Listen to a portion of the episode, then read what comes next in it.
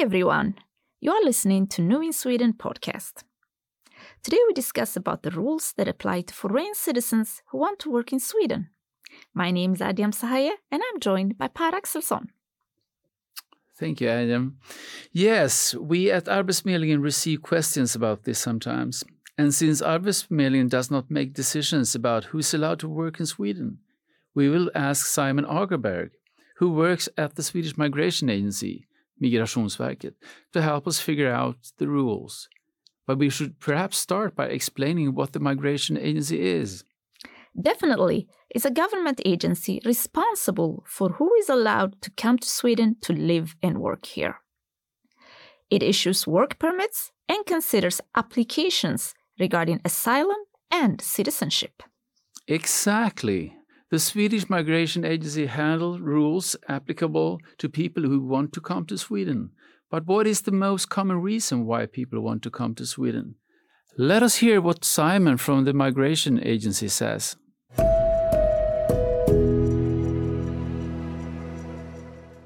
So the largest group of applicants that we have at the migration agency are actually people looking to work in Sweden. So those are people applying for work permits. Um, second to that is people wanting to move to uh, family in Sweden. And after that, the third largest group is students and then asylum seekers. Simon mentions work permit. A work permit gives you the right to work in Sweden. All foreign citizens need a work permit to work here. But this permit can be obtained in different ways. Sometimes it can be quite straightforward, and sometimes it can be quite difficult to get a work permit. Yes, we will go through some different examples of people to see what applies to them and what they need to do to be able to work in Sweden. Let's start with Farzad. He's from Iran. He has applied for asylum in Sweden and wants to get a job as quickly as possible. He's now waiting for decision on his residence permit from the migration agency. The question is, will he be allowed to work during his asylum process? Pat, you sat down with Simon from the migration agency. Let's hear what he has to say.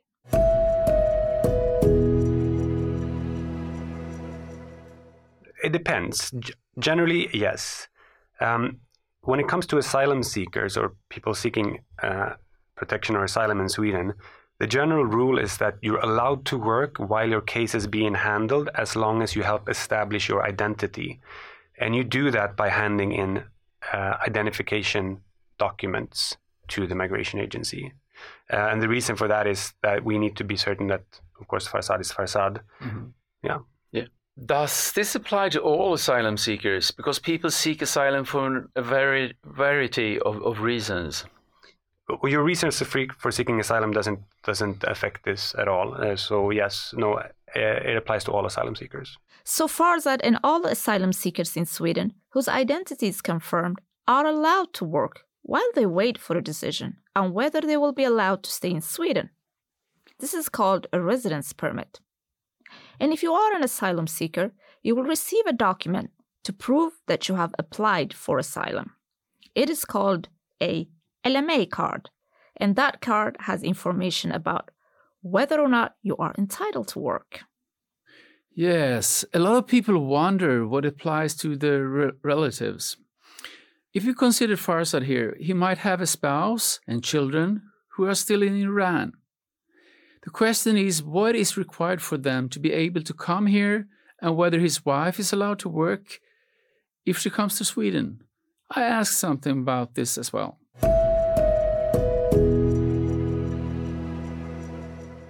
In order for his family uh, to be able to move to Farzad in Sweden, they need to apply for a residence permit.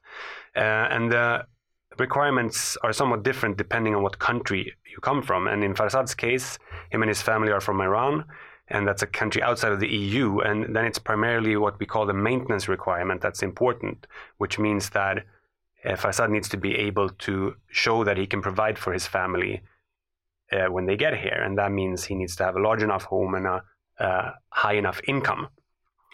Uh, if all of that uh, is fulfilled, then they will be able to uh, apply for uh, a residence permit for the family to come here. And if granted, Farzad's wife will be able to work in Sweden because that right comes with the permit.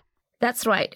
If Farzad is granted a residence permit and meets some other requirements, his close family will be allowed to come here. And his wife can start working without any specific permits. So now we have heard what the rules are for asylum seekers in Sweden. But what about those who are from a European Union country and want to work in Sweden? Do they need a work permit? Can you tell us about the next example, Per? Absolutely. We will now consider the rules that apply for Tom. He comes from Hungary and wants to move to Sweden to work as a carpenter.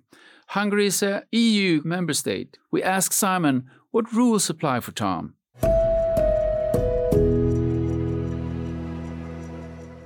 For EU citizens or uh, citizens of EEA country, uh, you don't need any permit before moving to Sweden. You're allowed to move here and start working right away. But what's important to remember, however, is that you uh, register with the Swedish tax agency so that you'll be able to pay taxes.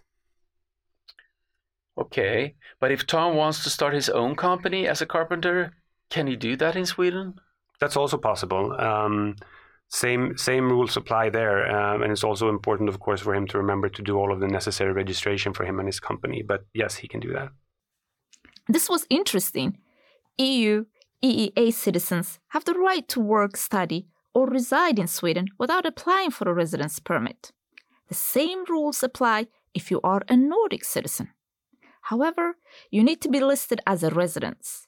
You can do that by contacting Swedish tax office, Skatteverket. You also need to pay tax. Yes, it is important for Sweden and it is important for the person who comes here to work. People who live and work in Sweden are to have the same entitlement to healthcare as everyone else in Sweden, and they must pay taxes.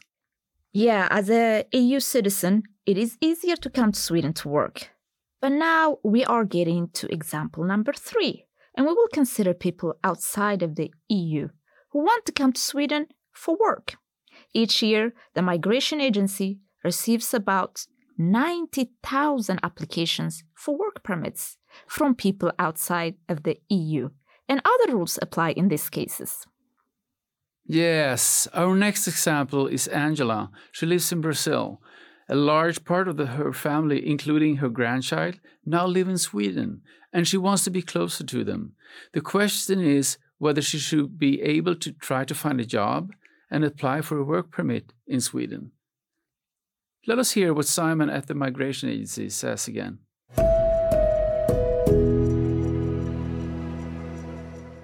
In Sweden, you can get a work permit if you have a job offer that meets a number of requirements.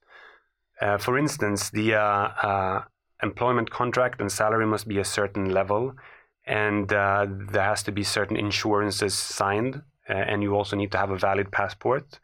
Um, but if the job offer meets all of those requirements, you are able to apply for and be granted a residence permit that's usually valid for them two years. So Angela needs to have a job offer and apply for a work permit while she's still in Brazil. The job in question needs to have a salary that is at the same level as other salaries in Sweden, and the employer needs to ensure that she's insured while working here. Yes, there are a few things that need to be in place before you apply for work permit. And apparently, it could take a long time, perhaps six to 10 months, before she receives a decision whether her application has been approved or not. But it is, in any case, a very good opportunity. That's right, because in this case, Sweden still stands out in comparison with other countries.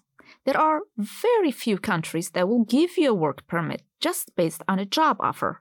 Most countries only grant work permits for industry where there is demand for labor. There are two other situations that can give you the right to work in Sweden. One is if you have come here for another country to study. While you are studying, you are allowed to work. And you can also ask for permission to remain here and look for work in Sweden for up to 12 months after your studies are complete. And the other possibility is for those who have a higher education degree. The following applies in this case.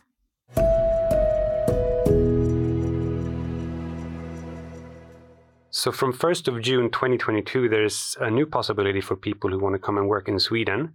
Um, if you have an advanced university degree, you're now able to apply for a permit to come to Sweden to look for work or to start your own company.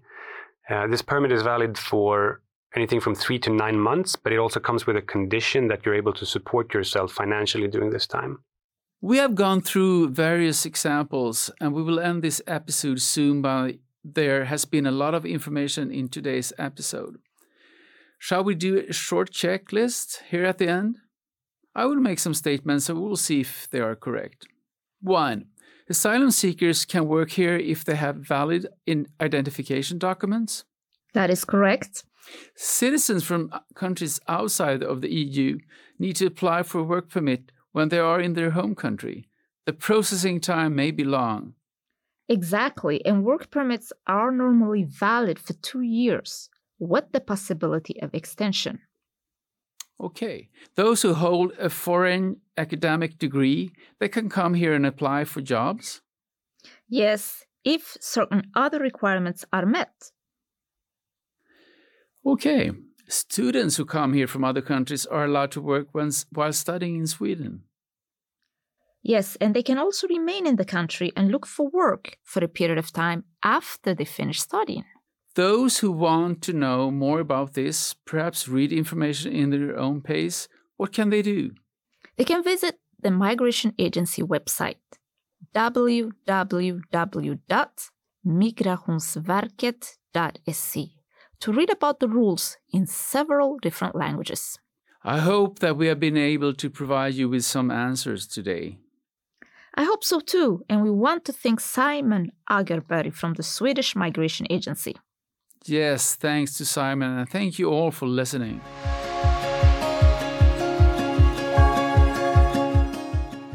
You have listened to the Swedish Public Employment Service podcast, New in Sweden. You have all the previous episodes on the Arbetsförmedlingen Play site. If you have any questions or tips, please email us at podcast at arbetsförmedlingen.se. This episode was produced November 2022.